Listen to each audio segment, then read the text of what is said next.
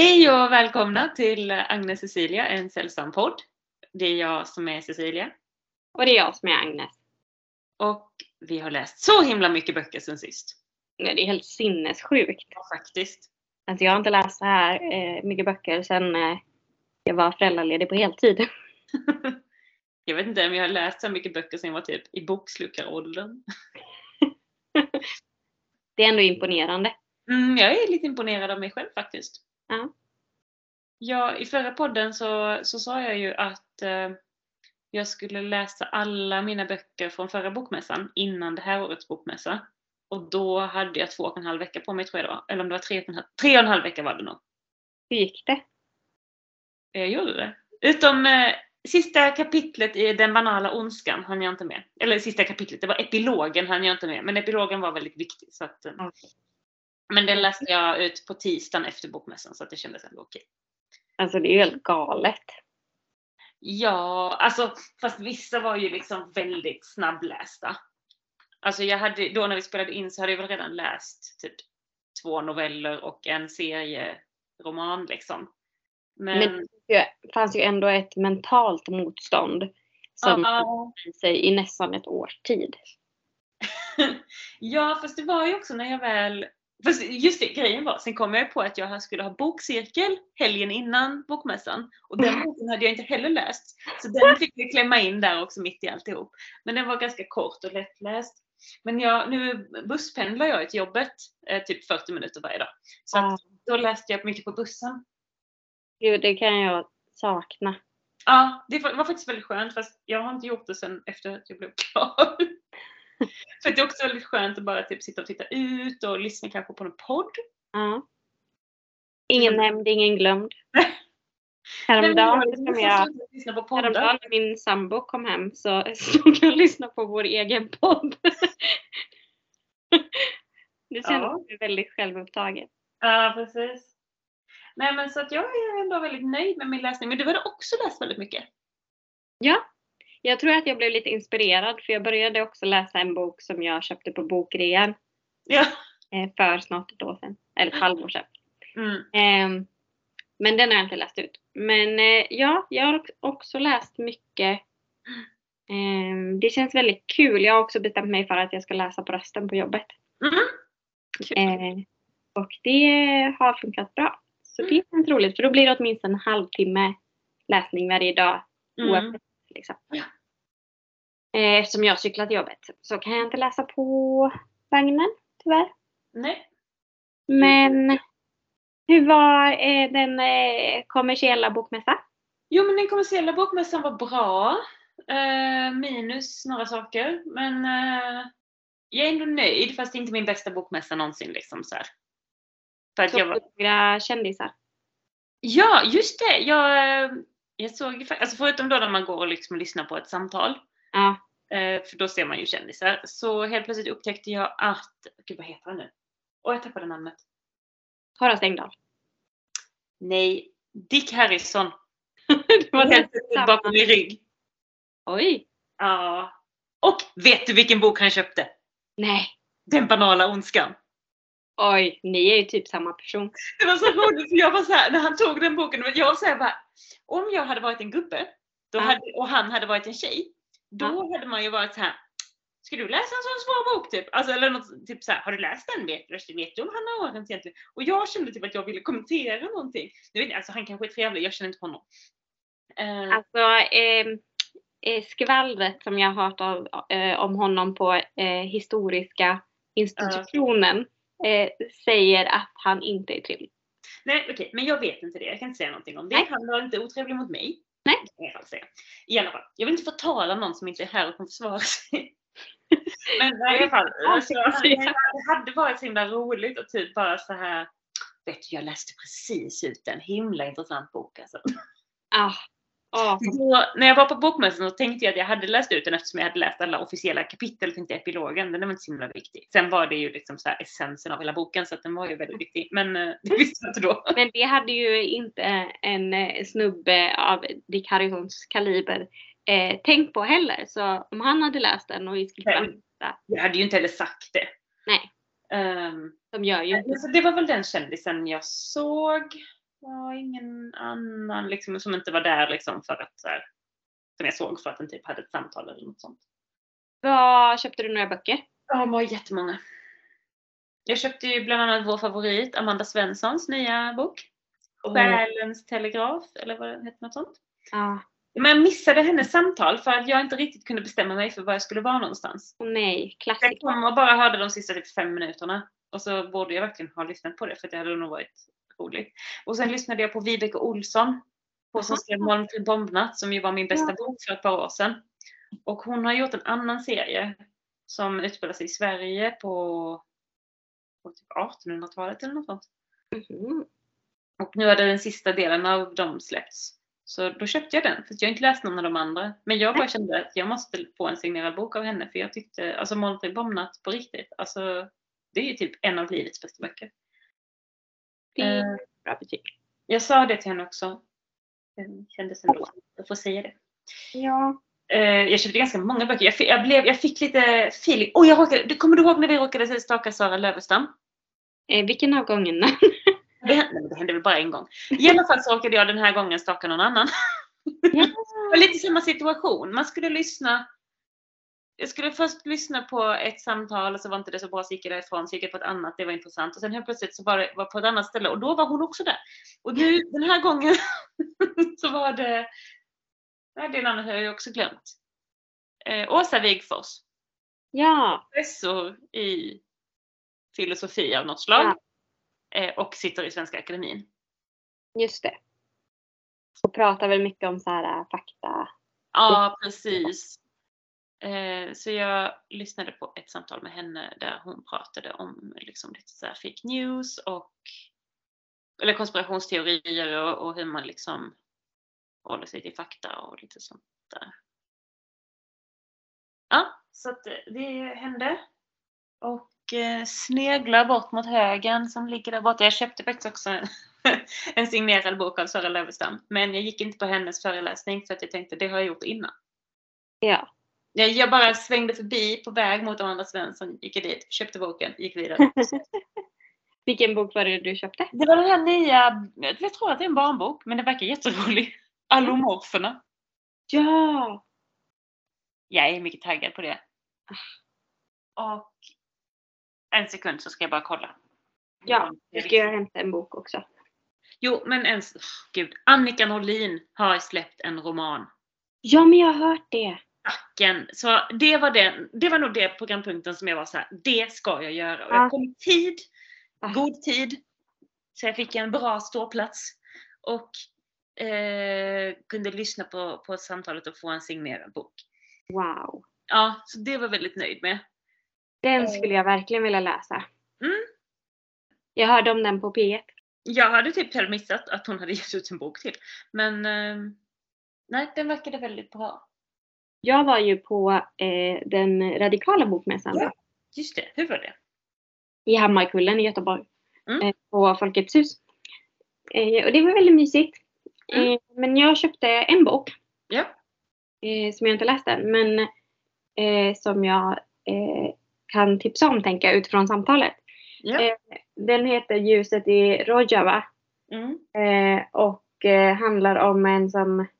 Den är skriven av Anton Nilsson tillsammans med Henrik Bromander. Och det var Hen- Henrik Bromander som var där och pratade. Och det Mm. handlar om eh, Anton Nilsson då som eh, åkte från Malmö eh, för att eh, delta frivillig eh, i YPG i striderna mot IS.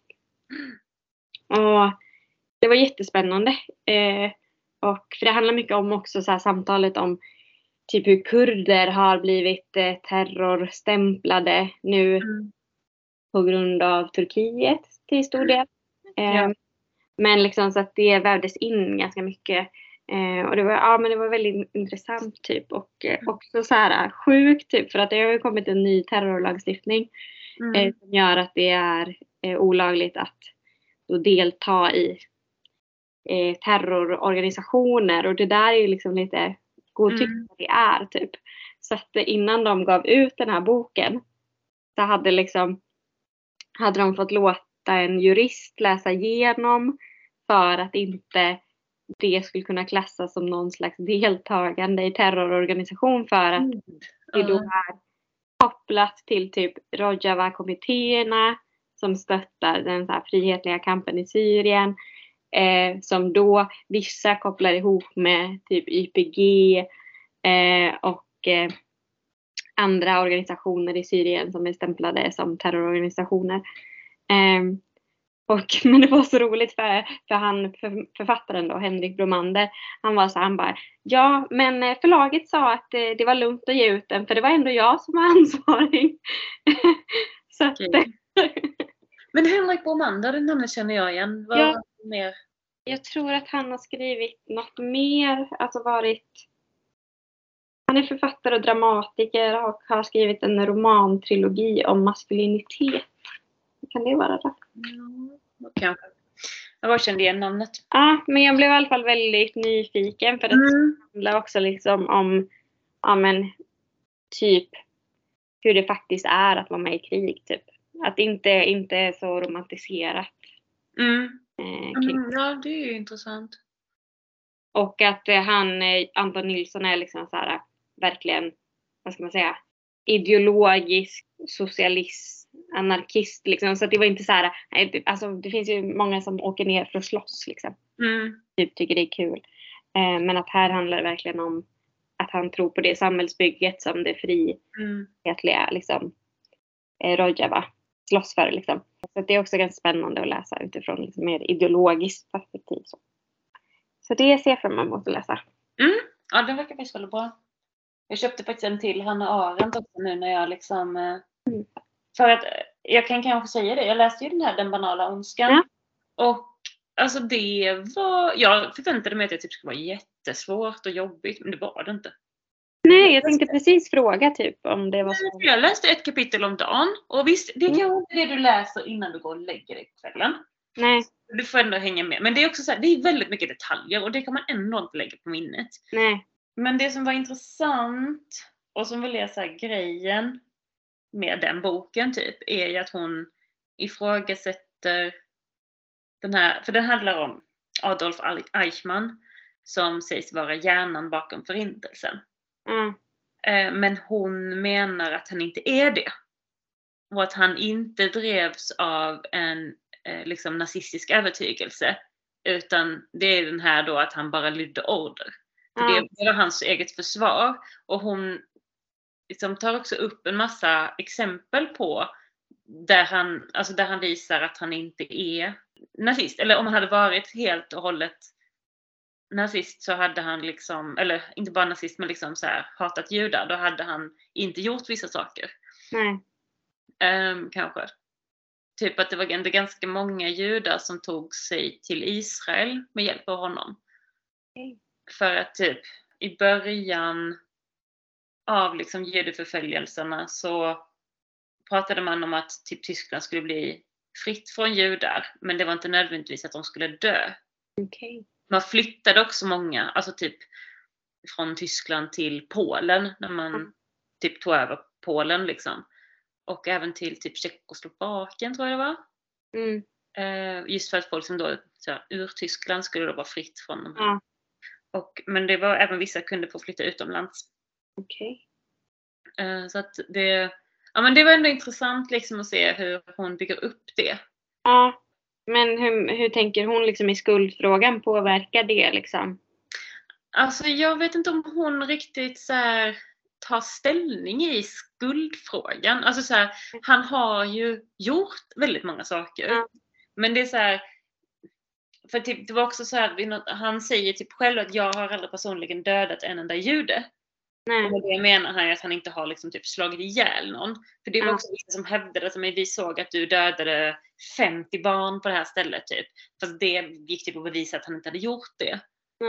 Um, men att han var ju en högt uppsatt nazist och mm. han fälldes. Men det är också liksom hur den här rättegången gick till. Varför den var i Israel och inte liksom i en internationell tribunal. Mm.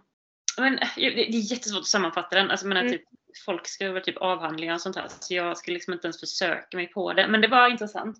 Och det var, det var inte så svårt så liksom. Det var inte som att språket var jättekomplicerat utan det var rätt lätt att hänga med i. Mm. Um, jag har också lyssnat på Petri Historia om Adolf Eichmann. De Ja. hade det i somras, hade de typ det i tre delar eller något sånt. Eh, och det, sen, det, hjälpte det, men sen var det också lite annat fokus. Alltså de hade lite olika fokus den här boken. Men, men det var intressant att lyssna på båda två för de har, för där är det väldigt, alltså där i Peter Historia så framställdes han väldigt mycket som att han var liksom Eh, han var verkligen övertygad nazist och skröt. Och det, på ett sätt, ja, för han skröt också, eller vad man ska säga, med typ att allt vad han hade gjort. Alltså när han sen, för han kom till, eller han flydde till Argentina efter Ja. andra världskriget. Och då levde han under en eh, falsk identitet. Men han avslöjade sin sanna identitet för typ vissa personer. Och då var det en nederländsk nazist som också bodde där som intervjuade honom typ 1955 och spelade in alla de här samtalen och där berättar han allt. Det används också som bevisning, för det gavs också ut, som någon transkriberade allt det här och gav ut det som någon slags skrift typ. Oj. Det var innan rättegången, så då användes det också som, som material eller som bevis i rättegången. Så det är det, alltså det, men det är inte helt enkelt liksom och att det var, jag vet inte, det var intressant. Ju- Alltså, Ja. Men vad är det för bok du köpte nu då? nu köpte jag om revolutionen Mhm. och därefter, där hon igen är hon kontroversiell för att hon hävdar typ att en revolution kan bara lyckas om den inte har en social ambition. det ska bli intressant att se vad hon säger Ja, jag ser fram emot eh, eh, fortsättningen av detta. Mm. Eh, ja, nu hade jag inte tänkt prata så mycket om den banala ondskan, men det gjorde jag ändå. Men eh, aha, vad, har du något som du vill börja? Ja. Eh, jag kan eh, kanske börja med och berätta lite om några noveller som jag har läst. Ehm, jag tar den som jag tyckte var sämst först då. Ja. Eh, Virginia Woolf, Änkan och papegojan. Okej. Eh, det var roliga var att jag hade fått för mig i mitt huvud att det var Jane Austen som hade skrivit den. Okej. Och sen så eh, när jag hade läst färdigt den så upptäckte jag att det inte var det. Och då var det som att jag bara, nej, men kände jag igen Virginia Woolf i det här språket? Jag tänkte också det. de har ju, nu var det länge sedan jag läste något av Jane Austen, men de har ju väldigt olika språk. ja, men jag tror att det är för att jag läste en annan novell av Jane Austen som förmodligen är i samma serie för den har samma layout. Eh, och samma färger liksom. Eh, men jag vet inte om den kändes eh, som någon av dem direkt. Men eh, det var en kort liten historia som man kunde läsa på en liten stund. Eh, lämnade inget be- betydande eh, avtryck. Eh, men det var roligt att det handlade om en papegoja. Sen har jag läst en annan novell som och just det, det här skulle jag googla hur man uttalar den här författarens namn. Denna har jag ju pratat om en annan gång. Har du det? Ja. Det här har jag glömt bort. Alltså förlåt. Nej, jag vet inte. Kommer du ihåg hur man uttalar namnet? Jag vet inte, jag kollar inte upp det. Eh, för ja, det blir väldigt... Eh, ah, pony, på, pone, Pone tror jag att jag sa, men jag vet inte. pone, rohi, kanske. Eh, kräftfångst. Den var jättefin. Ja, eller hur? Ja, Ja, jag gillade den. det handlar liksom om en, en liten familj som är ute och fångar kräftor i en liten eh, eka kanske. Och eh, liksom huvudkaraktären, eller berättarjaget, eh, ja, men så här, funderar väldigt mycket på vad det typ står för och så här, sin egen så här, avsaknad av plats kanske. För att det här är liksom partnerns typ sommarställe. Och eh, partnern har liksom alltid vuxit upp med att fånga eh, kräftor. Det är en sån här självklar sak som man gör liksom. Och att eh, huvudkaraktären har liksom inte haft någon sån plats i Sverige som jag förstår det. Eh, men är liksom så glad att eh, han får ge det till sitt barn nu som är med. Att så här, och liksom är så medveten om det att så här, nu ger jag mitt barn den här upplevelsen som jag själv liksom har saknat. Väldigt så här finstämt och eh, ja, men, så här ömsint. Typ. Mm. Ja, jag sitter här och nickar för att Ah. jag, jag, jag tyckte också jättemycket om den. Jag hade liksom inga förväntningar eftersom jag uppenbarligen hade glömt bort att du har pratat om den här. Men jag tyckte den var jättefin. Den tredje och eh, sista novellen som jag har läst den här gången. Eh, det är Sandra Beijer. Och nu blir det franska. Jean Le Pin? Kanske? Pin? Jean Le Pin? Jag ser inte upp. Jag tror det heter Jean Le Pen. Jean Le Pen eh, heter den. jag tror Eh, det. Ja, och det här hade jag heller inga förväntningar, eller jag hade kanske låga förväntningar för Mm. att jag är så fördomsfull och tänkte typ Sandra Beijer, det är sån här eh, tjejlitteratur. Vad är det hon har skrivit? Jag tror hon har skrivit jättepopulära saker som typ eh, är jättebra men jag har inte tagit in det. Jag, jag tror att jag läste det av henne. Nu måste jag googla vad hon har läst. Men Absolut. var det? Eh, det handlar om dig. Skriver mycket om så här, eh, unga ungdomar. Ja, okej. jag, jag googlar medan du Ja. pratar. Men den här handlar om eh, tre ungdomar tror jag på högstadiet Mm. som är väldigt utsatta. Men de har varandra liksom och de stöttar varandra väldigt mycket liksom. Och så drömmer de om att få åka till Frankrike som typ eh, och bo i värdfamilj. Och så tror de väl inte att de ska få göra det för sina föräldrar men till slut får alla ja liksom. Så att de får åka dit eh, när de går ut nian på sommaren. Eh, och då är det som att hela deras liv plötsligen får liksom ett litet ljus i tunneln. Och de liksom planerar inför den här resan och de är så taggade liksom. Och det är jättefint. Men också jättesorgligt och den slutar också så fruktansvärt deppigt. Nej. Eh, så det var som att jag bara så här, på ett sätt så gillade jag det. För att det var så här, ja det är typ så här det är. I livet. Mm. Men samtidigt så blev jag lite så här, för jag var lite inne på att jag skulle låta mina elever läsa den för jag tyckte det var Mm. fin gestaltat liksom om vänskap men också så hur utsatt det är i skolan och, och typ hur lärarna sviker eleverna genom att Mm. inte se, typ, eller göra någonting. Fast man vet vad som händer. Men sen så slutade den så deppigt så det var som att jag bara, nej men alltså jag kan inte ge det här till en tonåring som potentiellt befinner sig i den här samma Mm. situation liksom och bara det kommer aldrig lösa sig. Men den var väldigt bra. Ja, Det var eh, denna, denna omgångs novellskörd. okej. Får jag ta min novellskörd då? Ja, Det är två. Den ena kommer jag bara säga att jag har läst Ett nytt Atlantis av Ursula K. Le Guin. ja det är eh, hon ja. Hon ja. Science fiction-författare. Mm. Jag fattade ingenting. Det var inte min typ av bok. Jag förstod inte. Det var liksom någon slags framtid. Det står typ så här på baksidan. När kapitalismen har utarmat hela USA och staten förvandlats till en totalitär makt och klimatförändringar gjort att stora delar av land sjunkit långt ner under havsytan stiger hoppet om att en ny och fri kontinent ska resa sig ur vattenmassorna. Ja, Hade du vetat det om det stiger, men det, det är liksom så här, ja det håller på att stiga en ny kontinent ur haven. Men det, ja, jag vet inte, det är liksom lite oklart. Ja, de lever i någon slags ofri stat och typ huvudpersonens man blir... Jag vet inte, jag bara kände, jag förstår inte. Jag hade behövt mer information. Men Ja. nu till den mycket bra novellen som kanske skulle kunna kvala in som årets bästa bok. Oj! Ja. Och det var lite oväntat. Ah, För jag har ju sett filmen Brokeback Mountain. ja. Och läst boken. Av Annie Proulx. Ja, var det hon som du trodde fick? Förra året. Och jag var så glad att jag trodde att hon hade fått det för att jag hade läst något av henne. Ja! Ehm, men nej men i alla fall så lä- den, här, den är ju då från Bokmässan förra året, båda de här två är det. Alltså den var så fin! Alltså jag har inte fattat att det var en novell. Jag visste att det byggde på en, liksom, någon litterär förlaga men Nej, alltså jag trodde, jag har nog hört att det var en novell. Men det här var också typ, den, jag tror första gången publicerades typ en tidskrift eller något sånt där. Men Mm. den var, alltså den var så himla bra. Den var så fin. Och liksom så här, om man ska läsa något om kärlek, då kan jag rekommendera den här. Jag kommer liksom inte gå in på, jag tänker att folk vet vad Brokeback Mountain handlar om. Om man inte gör det, kan du sammanfatta i två meningar?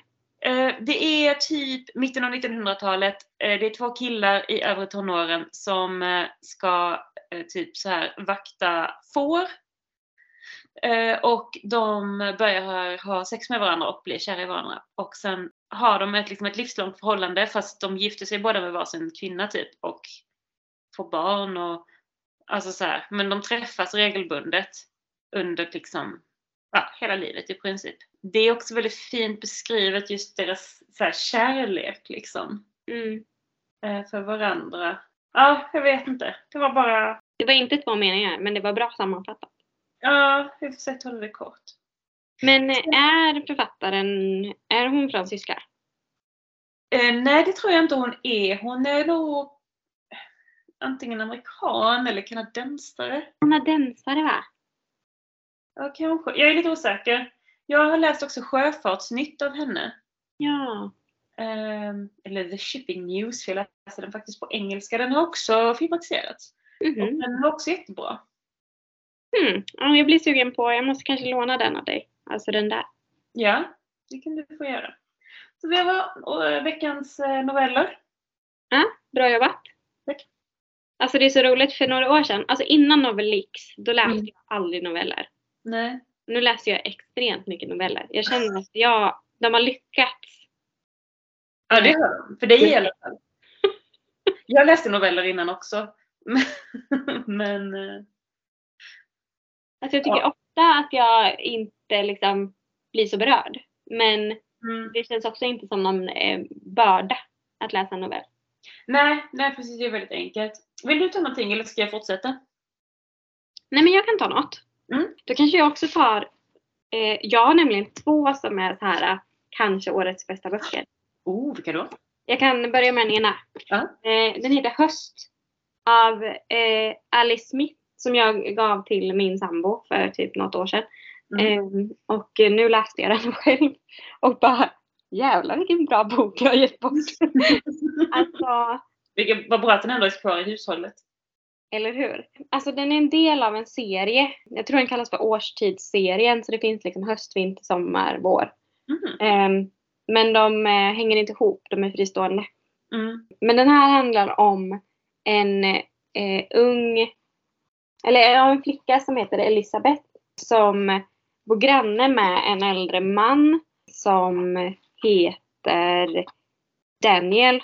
Eh, Mr Gluck tror jag han kallas. Eller det är hans efternamn. Och eh, Elisabeth får i uppgift eh, från sin lärare att hon ska intervjua en granne. Eh, om liksom typ hur det är att vara granne och sådär. och eh, mamman är så här: nej du får absolut inte prata med honom. För att han är en äldre gammal gubbe. Så här, små flickor ska inte umgås med äldre män. Typ. Och hon bara, fast jag vill verkligen. Så här, för hon är väldigt så här, nyfiken på honom. Men till slut så börjar de ändå umgås. Och eh, börjar liksom samtala om livet. Typ och kultur och litteratur. Och han frågar typ henne så här, bara, "Ja, men vad läser du? Eh, Och hon säger så här, nej men jag läser ingenting. Och han bara, han läser alltid någonting. och eh, sen så börjar han berätta liksom om typ vad han läser och sen blir det en så här stående fråga i boken. Så här, vad läser du? Och, sen så, och det är väl liksom någon slags sensmoral i det att typ man, att man alltid har text omkring sig liksom. Ja, du fattar ju att jag faller för detta. Eh, Ja, jag tycker det låter helt fantastiskt. men eh, så det handlar liksom om deras vänskap från att hon är en liten flicka tills han eh, ligger på ett vårdhem. Och hon kommer och besöker honom och läser högt för honom. På det här vårdhemmet. Fint.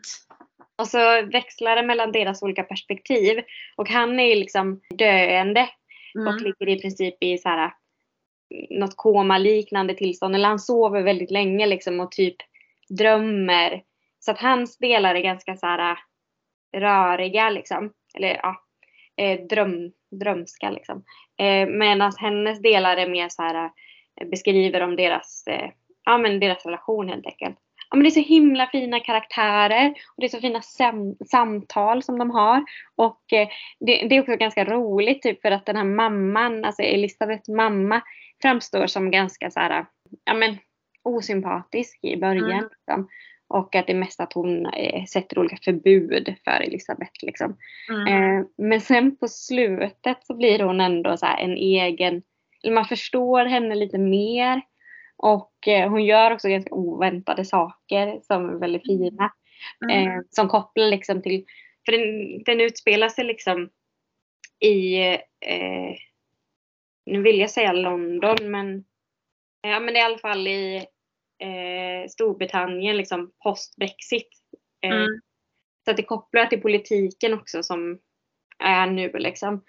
Och eh, eh, mycket kring liksom så här flyktingfrågan och synen på invandrare och sådär. Och tar liksom ställning ganska tydligt fast på ett väldigt eh, ja, jag, jag får upp humanistiskt i mitt huvud på ett humanistiskt sätt men Mm. eh, jag, tänker, jag känner att det ordet är ganska, eh, jag vet inte, laddat. Eh, men liksom, ah, det är liksom bortom så här plakatpolitik Mm. utan mer så ett så här mänskligt perspektiv och också där mamman kommer in Mm. och representerar det på något sätt. Att så här, hon är liksom ingen akademiker liksom. Men hon känner så här, nu har det fan gått för långt. Liksom. Mm. Eh, när eh, flyktingar ska så här, stängas in i förvar. Mm. Eh, som egentligen är fängelsen. Fängelser liksom. Sen handlar det mycket om konst också för att den här Mr Gluck han eh, är väldigt fascinerad av en tavla som han har i sitt minne. Som Mm. han beskriver för Elisabeth hur den ser ut. Eh, och plötsligt en dag liksom, när Elisabeth är vuxen så ser hon den här eh, tavlan på, Mm. eh, i en utställningskatalog som hon hittar. Och då börjar hon liksom undersöka den här, vem den här konstnären är. Liksom. Och så Mm. visar det sig att Mr Gluck eh, hade liksom en, en relation till henne mm. länge, länge sedan. Liksom. Och att sen så föll den här konstnären ner i glömskan som många kvinnliga konstnärer eh, gör. Och så visar det sig att det här är en verklig konstnär som finns. Och det är typ ett så här, tack till den konstnären i typ, eh, om det är före eller efterordet. Ja. Eh, efterordet tror jag. Ehm, och att eh, Elisabeth eh, då i boken skriver en avhandling om den här eh, konstnären när hon blir vuxen. Ah, men det ah, det är liksom så här meta och eh, verkligheten kommer in i fiktionen. Men det är också väldigt tydligt en, så här, en berättelse med fantastiskt språk och eh, så här fantastiska samtal som bara får, ja men Nej, alltså jag vet inte om du kan känna så här ibland att eh, bara så här, varför läser man böcker typ? Eller så här, Mm. vad, vad är poängen? Eller att det Mm. kan kännas lite så här meningslöst egentligen. Mm. Eh, som jag också kan känna med skrivande, så här, varför ska jag hitta på en historia? Det är helt poänglöst. Men att, det, att jag verkligen blir så här, just ja, för att det är typ det viktigaste som finns och det finaste som finns i hela världen. eh, så att ja, alltså jättehäftig bok och väldigt roligt för att jag Mm. vet att när jag köpte den här så fick jag för mig att det var en kvinnlig författare. Mm. Och så fick jag för mig medan jag läste att jag hade fått för mig fel och att det var en manlig författare. Och så var jag så här, tänk att en man kan skriva så här. Det är helt sjukt. Det hade jag aldrig trott. Och sen, så, sen googlade jag och så var det en kvinna. Ja, ja precis. För det, jag tänkte också det, jag bara, det är väl en kvinna. För det, ja, det är otippat med det namnet. Men eh, ja. Ehm, Men det låter, åh, det låter jättebra. det är också så här, typ en, en kvinna, en skotsk kvinna i Mm. typ 60 plus åldern och jag bara alltså, du vet så här, det är så mycket. Jag tänkte att hon var ung. Ja, jag trodde också det. Nej. Alltså du vet, det är så mycket som bara jäckar mig och det gör mig väldigt lycklig. Det är roligt att du använder ordet jäckar ofta. Ja, det är ett bra ord. Men eh, så nu är jag lite så här i valet och kvalet om jag ska läsa de andra böckerna Mm. eller om jag ska ta en paus och eh, eh, liksom låta den här få liksom bara Är det den senaste boken du läste? eh, Eller har du läst någonting efter den boken? Ja, jag har läst noveller efter den här. Okej. För jag tycker ibland att det är bra liksom just att ha någonting annat emellan. Typ Ja. så som jag har gjort med Selma Lagerlöf nu.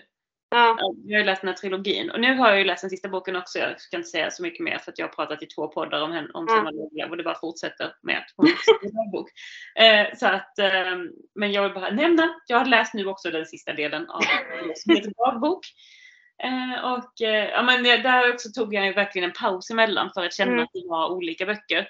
Nu är det de här hänger ihop väldigt mycket. De, om du säger att de fyra inte hänger ihop så kanske det spelar lika stor roll.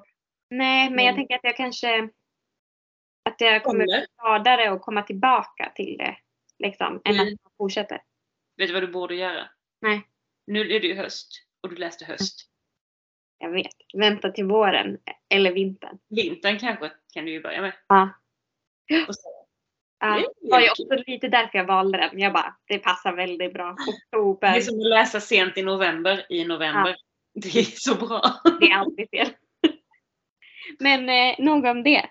Eh, vill du berätta om något mer Ja. har Jag funderade på ehm, ja, en sån här mellanbok så som jag har haft, är Cherry Ames. Min gamla trotjänare. Ja. Eh, den här var faktiskt, först tyckte jag den var ganska tråkig. Den hette Cherry Ames sköterska på varuhus. Vilket är lika konstigt som det låter. Hon jobbar alltså som sjuksköterska på ett varuhus. De har en egen liten sjukavdelning. Oj. Dit folk kommer med typ näsblod, en stukad handled. Jag bara... Det Det låter som en skolsköterska. Ja men typ. Alltså ja, det är jättekonstigt. Men det är alltid ett mysterium i de här böckerna och oftast är mysteriet jättedåligt. Ja. Men här var det ett bra mysterium. Oj. Ja, och det var till och med spännande och jag på riktigt var så här, hur ska det gå liksom? Bra mysteriet. Vad fan gör folk på ett varuhus? Nej men det fanns en antikavdelning och så stals någonting väldigt eh, värdefullt därifrån. Och då blev expediten misstänkt. Mm. Men det var ju inte hon som hade gjort det. Och Cherry skulle försöka då bevisa att det inte var. Det är också så här, de bara, nej vi tror att det är du så vi ger dig sparken. Men vi har absolut inga bevis för det. Och så bara, varför skulle det vara hon? Ja men vi vet att hon behöver pengar. Ja men vem behöver inte pengar? Det är liksom inte som att hon har några pengar. Jag vet inte, det var så här jättekonstiga liksom. Eh, helt ologiska grejer. Och så var det också lite där jag kände så här. Varför ringer ni inte polisen? Typ, alltså så här, när, när de själv sådär, nu ska jag undersöka den här saken. Eller så, så ringer du polisen. Men gör inte det liksom typ att man raderar ut en hel genre? Nej men, alltså det finns ju de liksom, de deckare där liksom, det är inte en polis i huvudrollen. Men polisen liksom, alltså man, de gör typ ett lite annat jobb kanske än vad polisen gör. Mm. Men här kände jag verkligen, nej du borde bara ringt polisen. eh, och det, det, det, de är ju inte bra deckare. Alltså de ska ju föreställa, det, det är som att hon vill att det ska vara en deckare men det är dåligt. Men ja, nu sa jag bara det, ska vi inte prata om den boken? Jag är klar, får jag prata om en till? Ja, det får du. Alltså, Ehm, får jag bara säga en sak först? ja, Apropå antikhandel. Ja, En jätterolig sak i den här boken Höst. är att, eh, mamman kommer med i något sån här typ Antikrundan. Och det är liksom så här, alltså det är då hon lever upp. När hon Mhm. kommer med i något sånt program som är eh, att de ska så här, eh, de får lite pengar och ska springa och köpa olika saker på typ loppisar och så ska de få i, eh, det är inte Antikrundan, det finns något liknande på TV nu tror jag. Eh, Mm. som, och sen ska de liksom eh, lyckas fynda så saker som de sen säljer på någon auktion. Och få jättemycket pengar för. Men också att eh, i, i slutet, när de blir så upprörda över flyktingfrågan, Mm. så har de precis varit på en antikaffär och köpt något föremål. Och då tar hon det föremålet. Hon bara kliver ur bilen för hon hör på radion liksom, om att nu ska man spärra in flyktingar i, i förvar liksom, och barn ska spärras in och sådär. Mm. Då bara tvärstannar hon bilen och så går hon ut för hon är vid en sån anläggning. Eh, Mm. och så kastar hon det här föremålet på stängslet så att eh, strömmen går. Eller Ja, eh, vad heter det? Eh, kortslutning. ja. Och sen blir det så här. Då bestämmer hon sig för att hon ska eh, köpa allt de har på den här antikaffären. Och så ska de kasta så det konstant är kortslutning. Så jävla fint. ja. Ja, eh, det, eh, det var en parentes. är jag någon gång under de här veckorna också har upplevt en sån här väldigt typisk för mig eh, sammanträffande. Mm. Jag har ju glömt bort vad det är. Nej. Jag har glömt bort mitt sammanträffande. Åh, typiskt. Ja, jag vet. Men om du kommer på det så. Ja, då ska jag säga det. Ja, Jag har också läst då eh, Marianne Keys. Åh. Som jag har läst Marion Keys i min ungdom. Du har det? För jag tänkte så här, det känns jätteotippat att du skulle gilla henne. Älskar henne. Det, Ja. Den första boken jag köpte på spanska Ja. Det var vattenmelonen. För ett, och så hade jag det som så målbild. Jag köpte den när jag var i Barcelona med min högstadieklass i nian. Och var så här, någon gång ska jag bli så bra på spanska att jag kan läsa den här. Aha. Sen läste jag den faktiskt. Några år senare. Ja, alltså jag läste också mycket Marianne Keys i den där ungdomen. Ehm, sen har det varit långt uppehåll, eller jag har läst vissa böcker. Och sen har jag läst några, eller börjat läsa vissa som jag tyckte var dåliga, som jag har slutat. Men nu då, förra året på Bokmässan, så hade det kommit upp en bok som, ut en ny bok som heter Ett oväntat val, som är uppföljaren till En oväntad semester. som då handlar om Rachel som är typ 27 och hamnar på rehab för att hon är drogmissbrukare. Och nu har det gått 20 år. Så att nu är hon ju då ja, 47. Mm. Och hon eh, jobbar, hon, har flyttat, hon bodde i New York i den förra boken, nu så jobbar, har hon flyttat tillbaka till Irland. Uh, och jobbar på det här behandlingshemmet där hon själv var. Mhm. Eh, det heter Klostret och hon är behandlingsterapeut eller vad det nu heter. Eh, och det en ganska stor del är att man följer henne på jobbet så det är en sån terapigrupp. Det är samma sak i en oväntad semester att det är liksom en terapigrupp som hon själv är med i och så får man följa alla resor liksom, eller vad man ska säga berättelser och så här. Vad har de för problem? Deras insikt med att de faktiskt har För alla är såhär, jag är inte missbrukare. vad säger de det? Eh, och sådär, vad är det som ligger bakom? Vad har de haft liksom för svårigheter? Vad har de orsakat för svårigheter för andra och så? Mm. Och det var ett tag var det, liksom det, det jag brydde mig mest om i boken. Typ så här, hur ska man gå för alla de här människorna? Det har varit väldigt intressant. Ehm, men det var också, sen är- får man också så här, alltså i, hon Rachel var ju då ihop med en kille som heter Luke. Ja, just det. Och eh, Var det han som var värsta så drömmen typ? Eh, det beror ju på vems, vad, vad man menar med dröm men alltså hon tyckte väl typ, alltså hon var ju typ så väldigt kär i honom och tyckte Ja. typ att han var snygg fast hon Ja. typ också skämdes för honom för att han var typ så här hårdrockare och hade läderbyxor och långt hår och det tyckte hon var jätte, liksom töntigt. Ja. Ehm, men det, de var ju ändå ihop liksom och hon så här, de hade ett väldigt bra förhållande fast ja, sen så. Ja i alla fall, det slut, en oväntad semester slutar med att de ändå så här, blir ihop igen. För gör, han gör slut med henne för att hon är missbrukare. Mm. Men nu, så sen har de varit gifta och sen så mm, har de varit skilda i typ sju år eller något sånt när den här boken börjar. Och hon är ihop med någon annan och liksom sådär. Och de har inte haft någon kontakt sedan dess. Och det är liksom att han lämnar henne. och Det finns liksom ingen anledning till det. Hon fattar inte alls varför. Men sen så möts de igen för hans mamma dör så han kommer till Irland och hon blir inbjuden till begravningen och så ses de där. Eh, Och sen händer liksom saker och så är det som att det kommer fram mer och mer att det kanske inte var så att ja, hennes bild av deras förhållande kanske inte var helt sann. Mm. Och så nystas det upp saker och så får man liksom, det blir lite så hopp fram och tillbaka i tiden. Mm. Med liksom dels den här perioden då, precis innan det tog slut. Och dels nutiden och så här, typ, har de en chans att bli ihop Mm. eller inte? Och Men eh, liksom, hur, vad tyckte du om boken? Jag tyckte väldigt mycket om den faktiskt. Alltså, jag var lite så här, fram och tillbaka under tiden jag läste. Det var inte alltid som att jag tyckte den var bra. Men jag tyckte att Alltså det som jag tycker har varit problemet med Marianne Keys, alltså hon till exempel extremt mycket fettförakt. Mm.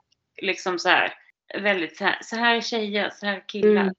Det var, in, det var typ borta nu. Inte helt och hållet, men liksom till ganska stor del. Framförallt just det här med kroppen. Och att hon Mm. snarare kommenterade som att så här, alltså att Rachel typ tänker att eh, så här, ja, jag, har liksom, jag vet att man typ så här ska acceptera sig själv som man är, men jag har aldrig liksom kunnat jag har alltid skämts för mina tjocka lår och jag har alltid mått dåligt över det även om jag vet att det typ, man inte ska göra det. Ja.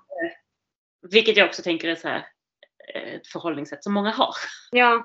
Ja. Eh, Så det, jag tyckte att det är liksom det som jag har känt att Marianne Keys inte har varit bra på tidigare tycker jag att hon faktiskt har lyckats med här. Och det gjorde mig, det gjorde mig väldigt glad. Ja.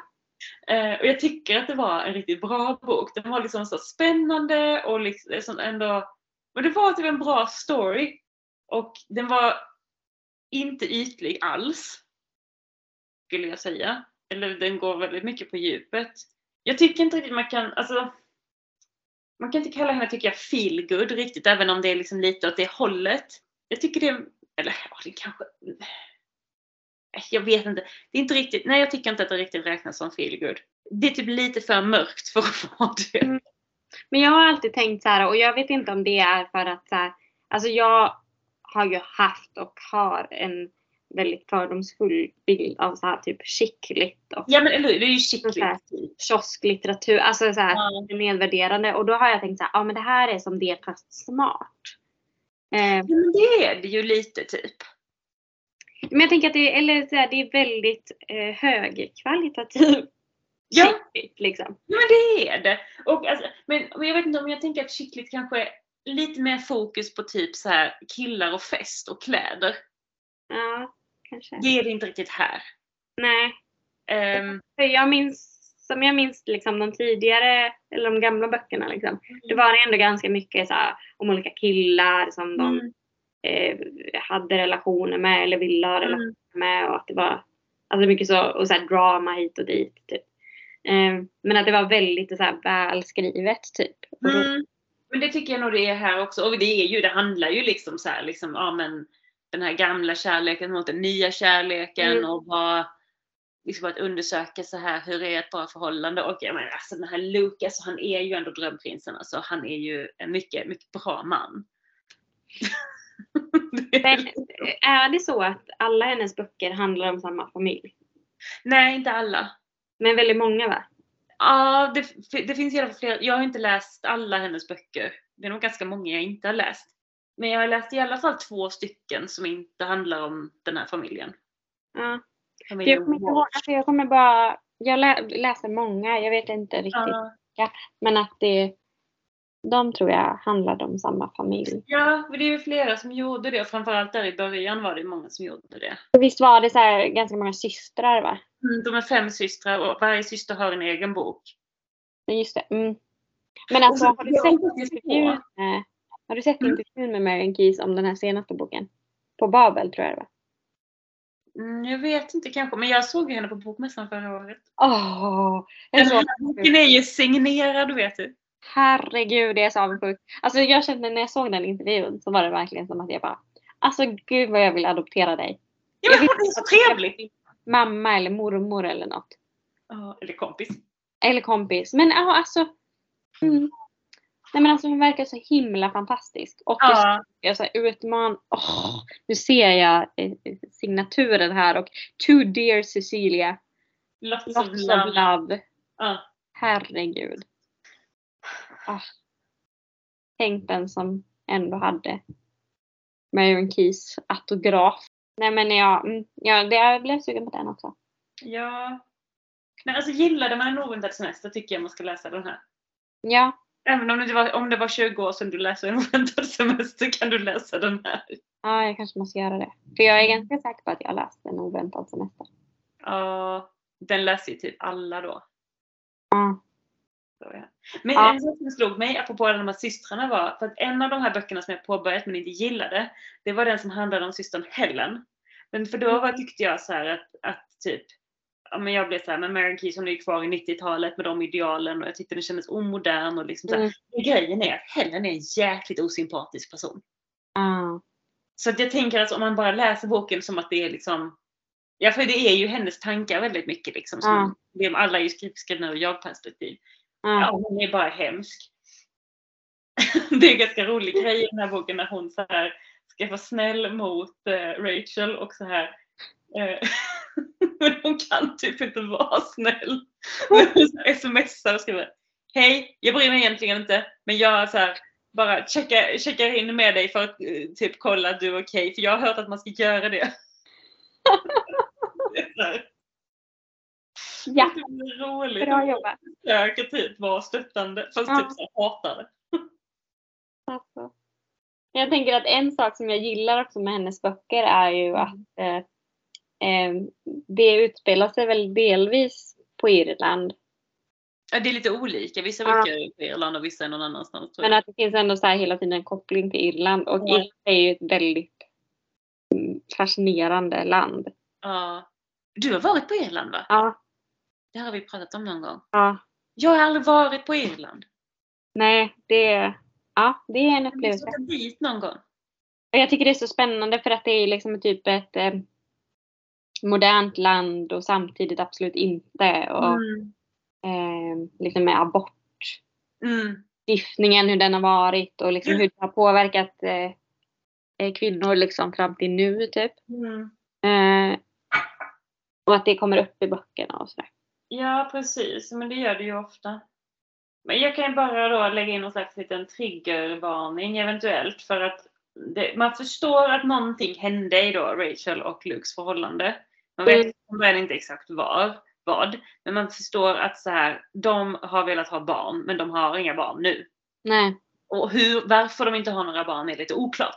Ja. i början. Sen får man ju veta. Men jag vill inte Ja. avslöja det för jag tycker det är en viktig del av storyn. Men Mm. om man tycker att det är jobbigt att läsa om sånt, Mm. man ska vara beredd på att Mm. Ja men det är bra. Kan komma upp. Eh, det jag råkade hamna lite i, alltså det absolut mest traumatiska mitt i natten när jag bara skulle läsa något kapitel. Jaha. Typ så här började gråta. Eh, och då kan man inte sluta.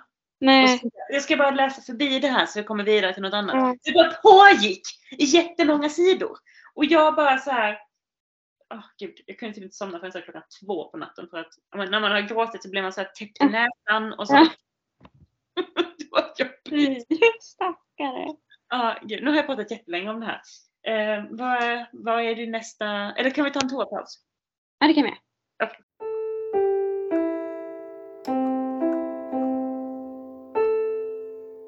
Så vad, vad har du läst med? Eh, ja. Eh, ja, och gud vad ska jag ta? Jag kanske tar En tjock bok. en tjock bok. Ja. Jag har läst en tjock bok. Jag tog en tjock, nu du får ta en tjock. Det här är min kanske andra då, eventuellt årets bästa. Mm. Eh, Blixtra, spraka, blända av Jenny Jägerfeld. Har du läst den? Nej, alltså jag har inte läst något av henne förutom den här Monster i terapi som jag tyckte Nej, just det. Alltså den här har jag haft i, i eh, bokhyllan i tusen miljoner år. Mm. Eh, Jag har också lånat ut den till folk och bara den här är nog bra, läs den. Eh, men jag har varit så osugen för att den är jättetjock. Mm. Den är typ eh, över 500 sidor. Jag läser väldigt sällan så tjocka böcker. Men Mm. sen så läste jag på baksidan. Jag uppenbart kanske jag heller inte läst på... Eller läste jag på baksidan? Det står ju knappt något på baksidan. Okej, Någonstans har du läst någonting. Nej men det var så lustigt för att, nej så här, det står typ inget på baksidan. Eh, och jag har liksom inte haft, eh, jag vet inte, jag har inte haft någon bild av vad den handlar om. Mm. Och sen så hade den en jätterolig handling som kändes helt fantastisk och helt rätt just nu och för mig och allting. För det handlar nämligen om en, det handlar om en eh, ganska ung författare som slår igenom med en bok som får typ eh, Augustpriset eller något liknande. Mm. Alltså den blir så superhypad. Eh, och hon är liksom en, eh, alltså hon är typ en så B-kändis för att hennes pappa är eh, skådespelare. Mhm. Så känd gammal, alltså så här oskön man liksom. Mm. Som är så med i massa skandaler men är också en jättebra skådespelare typ. Och hon är hans dotter. Mm. Så slår hon igenom med den här boken som blir jättehyllad och hon får ju typ världens hybris. Eh, och eh, så får hon ett förskott på sin nästa bok på en kvarts miljon. Oj, Eh, jag anar. Hon kan ju inte hantera det här för fem öre. Eh, så att hon eh, drar tillsammans med en, eh, vad heter sån här AM, eh, AMSR, AM, ARMSR, Pratar du om det här den här som ljud. ljuden som folk gillar? Ja, Jag kommer inte ihåg, det är typ A, ASMR. ASMR. Ja, hon är så, eh, hon, eh, alltså så här. Den här huvudkaraktären Ja. Eh, stöter på en av sina liksom typ idoler på en pub eh, Mm. som är sån ASMR eh.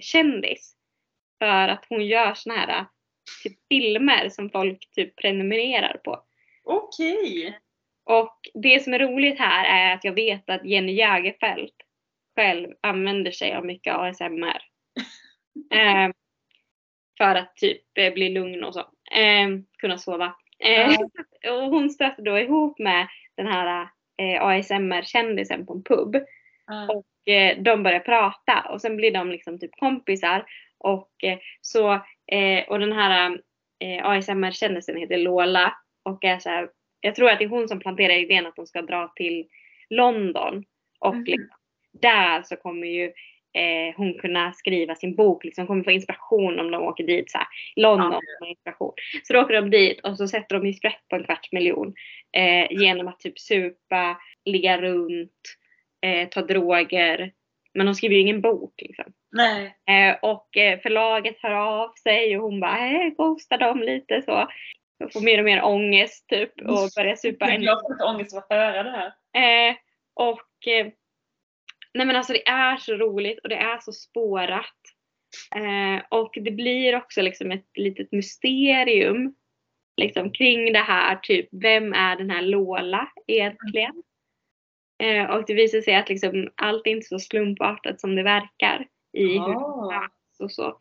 Eh, men det är också liksom spännande för att jag läste den här lite i samma veva som den här diskussionen nu som har varit om så spökskrivare och eh, Jag har lite missat den här diskussionen.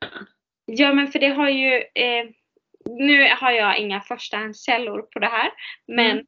att eh, det, har, det har varit några spökskrivare som har klivit fram i media. Mm. Eh, var med på bokmässan också tror jag och eh, pratade, pratade om liksom att de har skrivit några av de mest sålda böckerna just nu. Mm. Eh, Och Men har- jag vet inte vilka. Nej, de får inte säga det för de har ju skrivit på sekretessavtal. Mm. Och eh, så då har det kommit upp i media liksom om eh, liksom, hur vanligt det här egentligen är och Mm. eh, är det etiskt och, eh, och sådär. Och sen så har eh, någon har typ kollat på så här Camilla Läckbergs böcker och då visar det sig att de typ har Ja, två av de böckerna i alla fall är typ, har exakt samma språk som någon som heter Percy någonting i, som ligger, sitter i Svenska Akademin. Mhm. Eh, och då menar, de är tydligen vänner och eh, Mhm. de menar att han har bara så här korrekturläst typ hennes manus.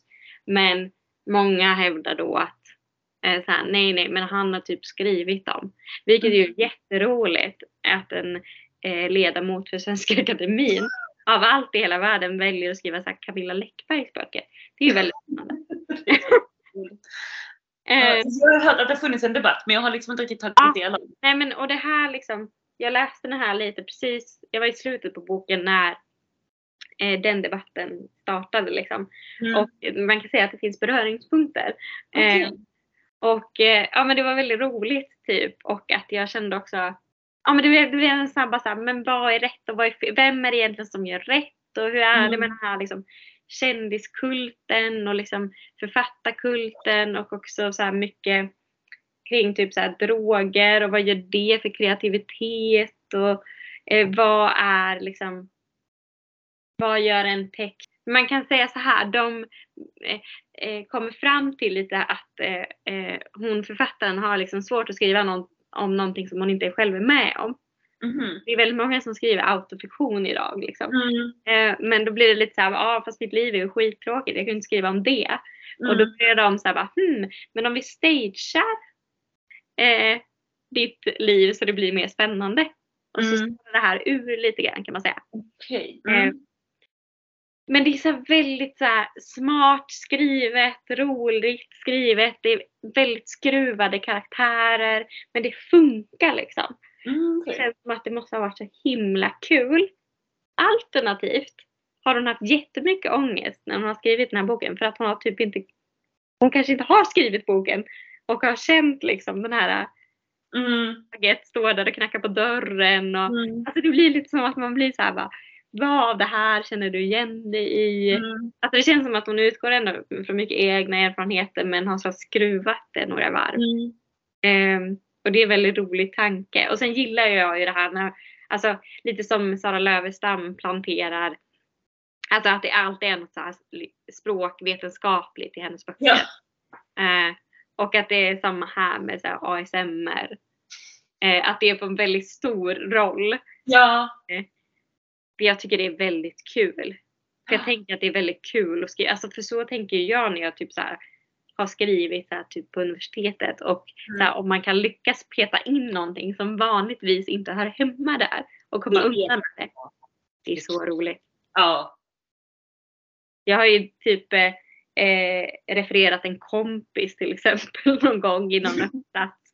För att det var så här poesi typ. Och så har jag en kompis som har skrivit poesi, inte publicerat. Men då kunde jag ju få med det. För att Ja. det var ju ett exempel på poesi. Liksom. Vem har sagt något om publicerat? Ja, men alltså, gud, alltså jag har typ slukat den här boken och det händer väldigt sällan. Vad roligt. Ja, Och jag tycker du verkar ha läst jättebra böcker. det har jag faktiskt. Jag har läst en hypad bok. Berätta. Alltså det är min bokcirkelbok. Det var Love Me Tender av Constance Debré.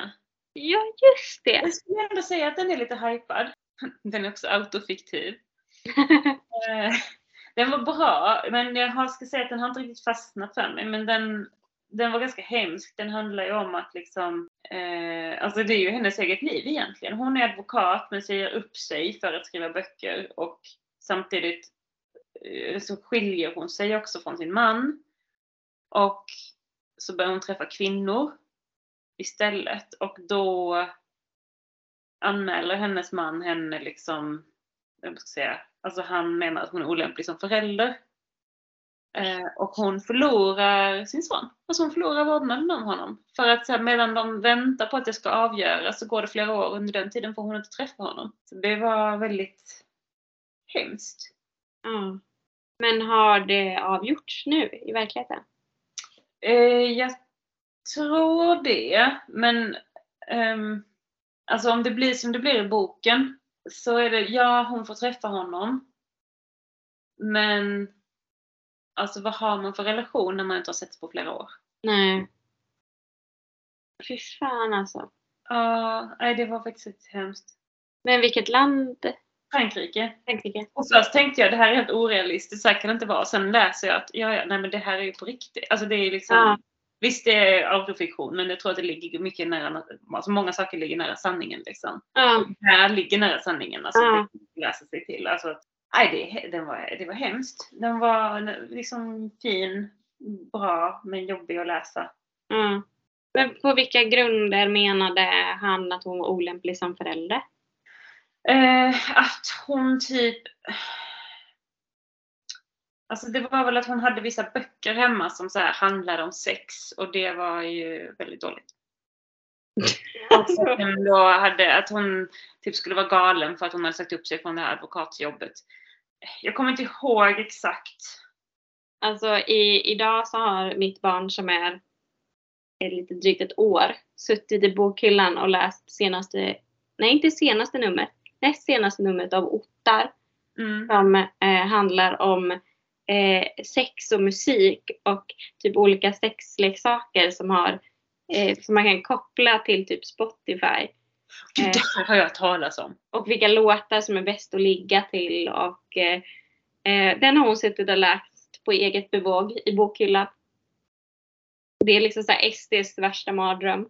Ja, Det är så här, Ja, det här jag tycker- man låter Eller vad är liksom poängen med att de ska koppla en sexleksak till musik? Ja men det kan, för att då blir det lite överraskande typ så här. För att det är också att de vibrerar liksom olika beroende på takt. Jo, det förstår jag, men liksom... Ja, det vore ju överraskande om det blir en låt som du inte kan. Ja. Men så kanske det förhöjer om det är liksom ens favoritlåt. Ja. Ja, jag själv känner jag mig inte så... Jag känner att det känns distraherande. Och så kanske man börjar så här sappa liksom och så blir det bara helt pannkaka. Men man känner så här, "Jaha, alltså är det här, är det det här som är framtiden? Men jag kan läsa faktiskt en bit från boken. Ingen av oss har läst Men någonting just det, jag har helt glömt bort att det kan man Ja, göra. men jag, jag har liksom inte riktigt så här satt flörtar, men här hade jag satt en flört. Och Ja. det var faktiskt svaret på din fråga, varför är hon en olämplig mor? Ja. Så här. Jag vet att varje gång jag lägger upp något på Facebook, på Instagram, varje gång jag gillar något, varje gång jag kommenterar kan det användas emot mig.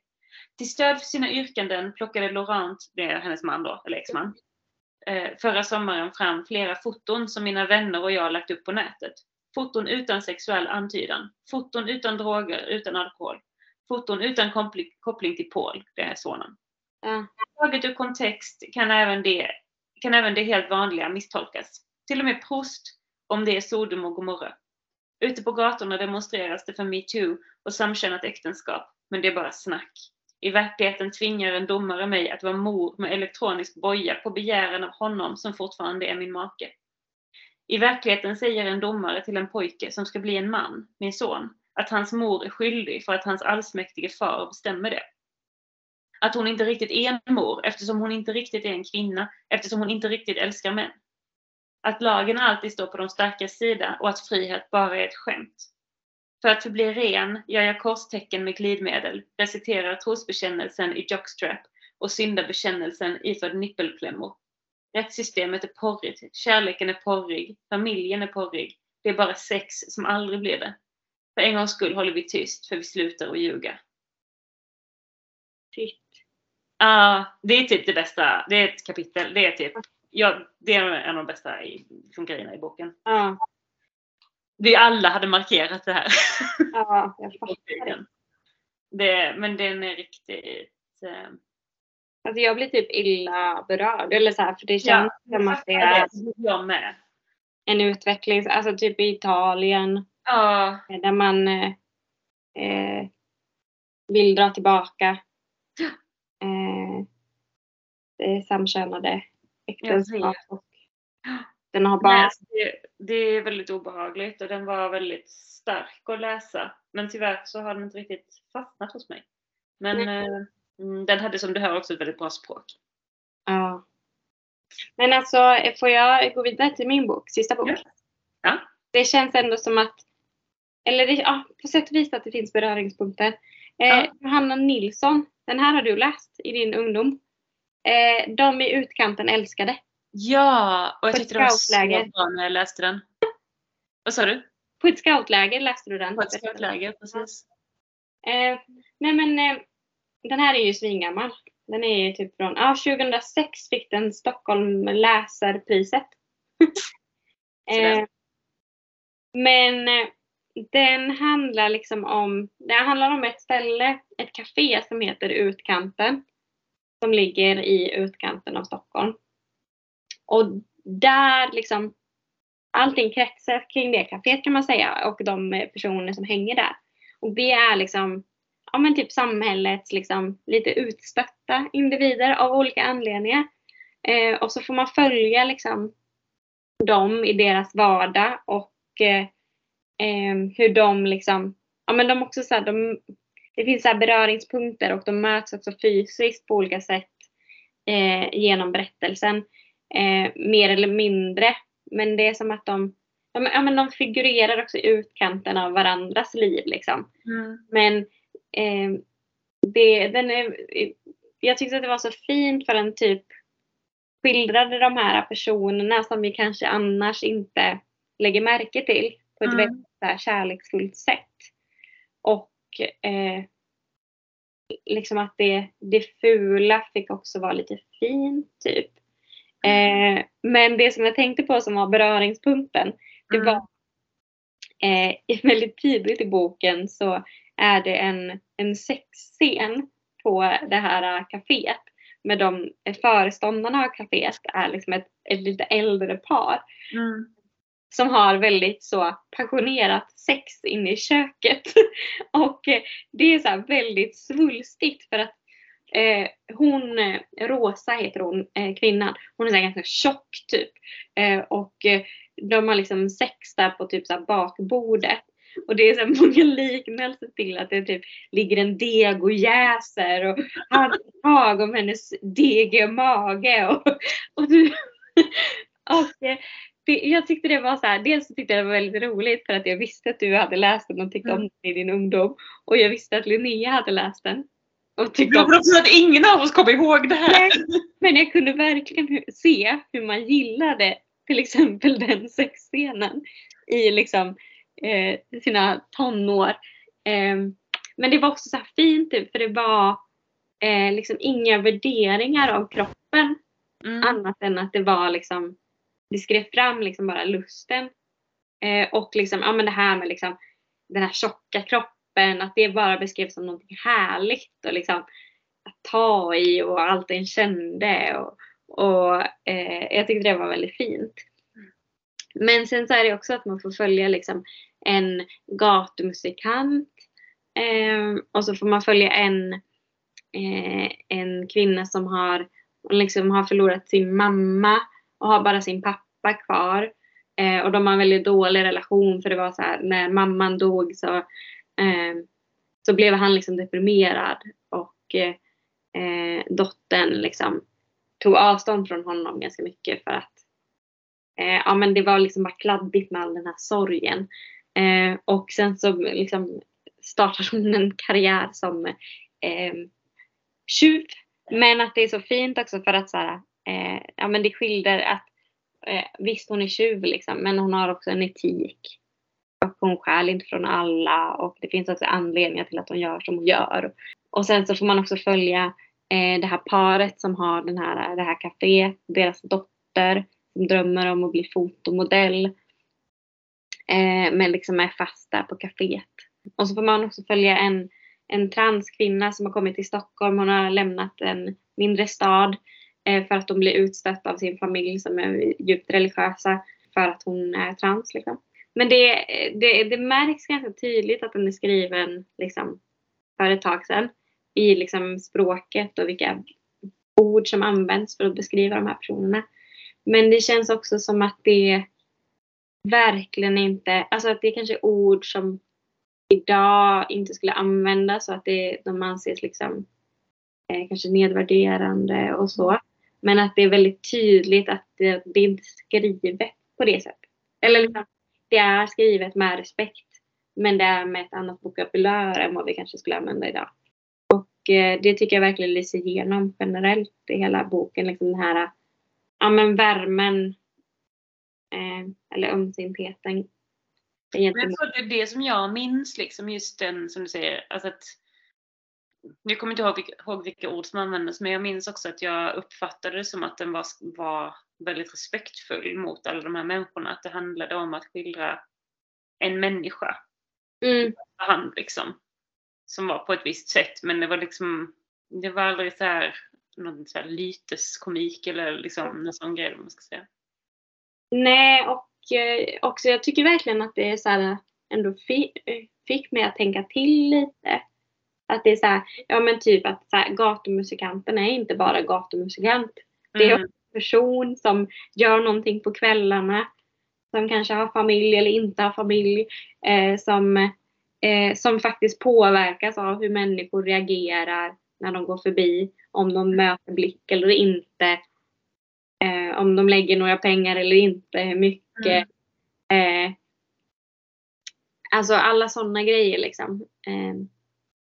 Och det tyckte jag var ganska, alltså det är ganska smärtsamt att tänka på för att det, eller så här, jag går ju förbi folk varje Ja. dag. Gör man ju i en storstad liksom som, Ja. som är i liksom, som verkligen befinner sig längst ner på samhällsstegen liksom. Ehm, men att det också, ja, det var fint att läsa om, om de, de människorna också på ett liksom, inte bara som bikaraktärer. Alltså jag har en bok kvar. Kan jag säga någonting? Jag behöver inte prata så länge. Ja, Jag har pratat länge. Men eh, ja, den sista jag har kvar är ju Eva Dahlgrens memoarer under konstruktion, instrumenten. Den var också bra. Det var trevlig läsning. Det var liksom eh, lite nedslag i livet här och där. Igen, ärligt talat, inte, inte jättemycket som har. Förutom att hon har astma. Mhm. Det varit ett problem i hennes liv och att hon är allergisk mot djur. Pälsdjur. Det är som jag, alltså det är vi, ja nu känner jag att vi är sammanlänkade ännu mer. Ja, Dahlgren. men alltså det, fanns ju mer i den men jag liksom kommer inte ihåg mer nu. Men jag tyckte om den. Den var också så här, jag har läst en, en hennes bok om vad heter den? Hur man närmar sig ett träd. Just den, den var, då när jag läste den tyckte jag den var konstig. Jag förstod inte Mm. riktigt. Ehm, nu vet jag inte hur jag skulle tycka nu. Den här var inte konstig. Den var väl så här rakt upp och ner. Det här är det typ. Ja. Så Men det att, är väl eh, en typ av eh, självbiografi eller? Ja, det, det är en självbiografi. Ja. Det var också, just det, nu kommer jag på saker. En, så här, en sak som också, så här, alltså hon skriver ju om, det heter instrumenten, så hon skriver om olika instrument som hon har köpt och så här, och då spelade jag in den här låten. Eh, så att det beskriver hennes utveckling som artist liksom, Aha. genom olika saker och så här, under den här perioden så tänkte jag så här, och då gjorde jag detta och detta. Ja, men så att den, eh, Visst har jag sagt att jag eh, har skrivit en uppsats om eh, Eva Dahlgren när jag gick i nian? nej, det har du inte. Inte visste jag att jag var lesbisk då men så här i efterhand så känns det ju väldigt uppenbart. Nej, hon är ju också faktiskt en väldigt bra musiker. Ja. Och artist. Liksom. Jag analyserade hennes låtar. Ja. att jag, fick MVG i musik trots att jag var extremt omusikalisk. Jag känner hur mitt musikbetyg precis devalverades. Nej men den var trevlig. Men jag tänkte om det kommer en del två läser jag nog den också. Alltså jag Och- känner att Eva Dahlgren, hon känns som typ, alltså om hon hade startat typ en sekt, Så, en religion, så hade jag varit med. men det, ja, Hon har som pondus liksom. ja, det har hon. Men du var inte på hennes konsert då? Typ, Nej, Alltså jag fick ju veta det här för att du skulle dit. Ja. Så kom det fram att Linnea hade funderat på att köpa biljetter till mig i typ 30-årspresent. Och sen har hon sagt nej, men hon tycker inte om Eva Dahlgren så mycket. Och jag bara, alltså, det liksom var typ värre att jag visste att hon hade tänkt. Men alltså det, var, det fanns ju tomma platser, du hade kunnat gå. Ah, Det var också så här, det hade varit bra om du gick för att alltså jag och min kompis som är, hon var 40 och jag var 38 och vi drog ju ner medelåldern något enormt. det kan jag tänka mig. Jag har sett henne en gång i Gävle. Det var mäktigt. Det också roligt för hon har bott i Lund som barn Jaha. och eh, gick i skolan där. Och det här, ja men gud, nu kommer det tillbaka till mig. Hon bodde på Norra Fäladen, i min stadsdel. Det är där jag kommer ifrån. Du ser, ni är också sammanlänkade. Vi är verkligen sammanlänkade. Vi borde verkligen starta en sekt tillsammans. Eh, ja, det vet jag inte. Men eh, i alla fall så var det ju lite, jag försökte bara, var bodde hon någonstans liksom? Om ett radhus, men det fanns ju många radhus. Vilket radhusområde var det? Eh, om Eva Dahlgren lyssnar på det här så får du gärna Ja, vill du berätta vilken adress du bodde på? Jag vill Jag veta. vill veta, jag är nyfiken. Och vilken skola gick du på? Har vi gått på samma skola? Ja. Vad skulle du uppsatt som när du läste musik på högstadiet? Undrar jag. Jag tror inte vi gick på samma skola för att jag tror att min låg och mellanstadieskola byggdes efter att hon gick där. Mm. Ja. Och hon flyttade innan hon började högstadiet. ja, men oavsett. Ja, Ja. nej, men måste vi sluta med det här. Dahlgren så får du jättegärna bara höra av dig. Det kommer vi verkligen göra efter det här. Det här. Jag skulle göra det. Alltså gud, jag skulle bli så eh, starstruck att jag skulle, vet inte vad jag skulle göra. Men om Eva Dahlgren eller någon annan skulle vilja höra av sig Ja. så kan de ju göra det via till exempel Instagram, Ja, Agnes Cecilia podd, ja. eller Facebook. Mm. Där heter vi Agnes Cecilia sällsam podd. Jag tänker att du är Facebook-ansvarig men det är kanske bara jag som tänker det. Eh, jag, ja, jag känner mig väldigt oansvarig men jag, lägger, jag brukar dela vårt avsnitt. Bara för jag fattar fortfarande inte riktigt hur man gör. Jag delar det på Instagram. Perfekt Och sen arbete. har vi mejladressen Agnes Cecilia podd, 2G, nej med 2D, at eh, gmail.com. Men den kollar vi inte så ofta. Så Instagram är väl kanske det bästa stället om man vill ha Ja. Det här var ju ett eh, maxat avsnitt. Verkligen. Tack för att ni har orkat lyssna ända hit får man väl ändå säga. Ja, tack till dig eh, Cissi för att du inte somnade. Ja, nej men eh, till eh, tills nästa gång. Ja, På återhörande. ja. Hej då! Hejdå!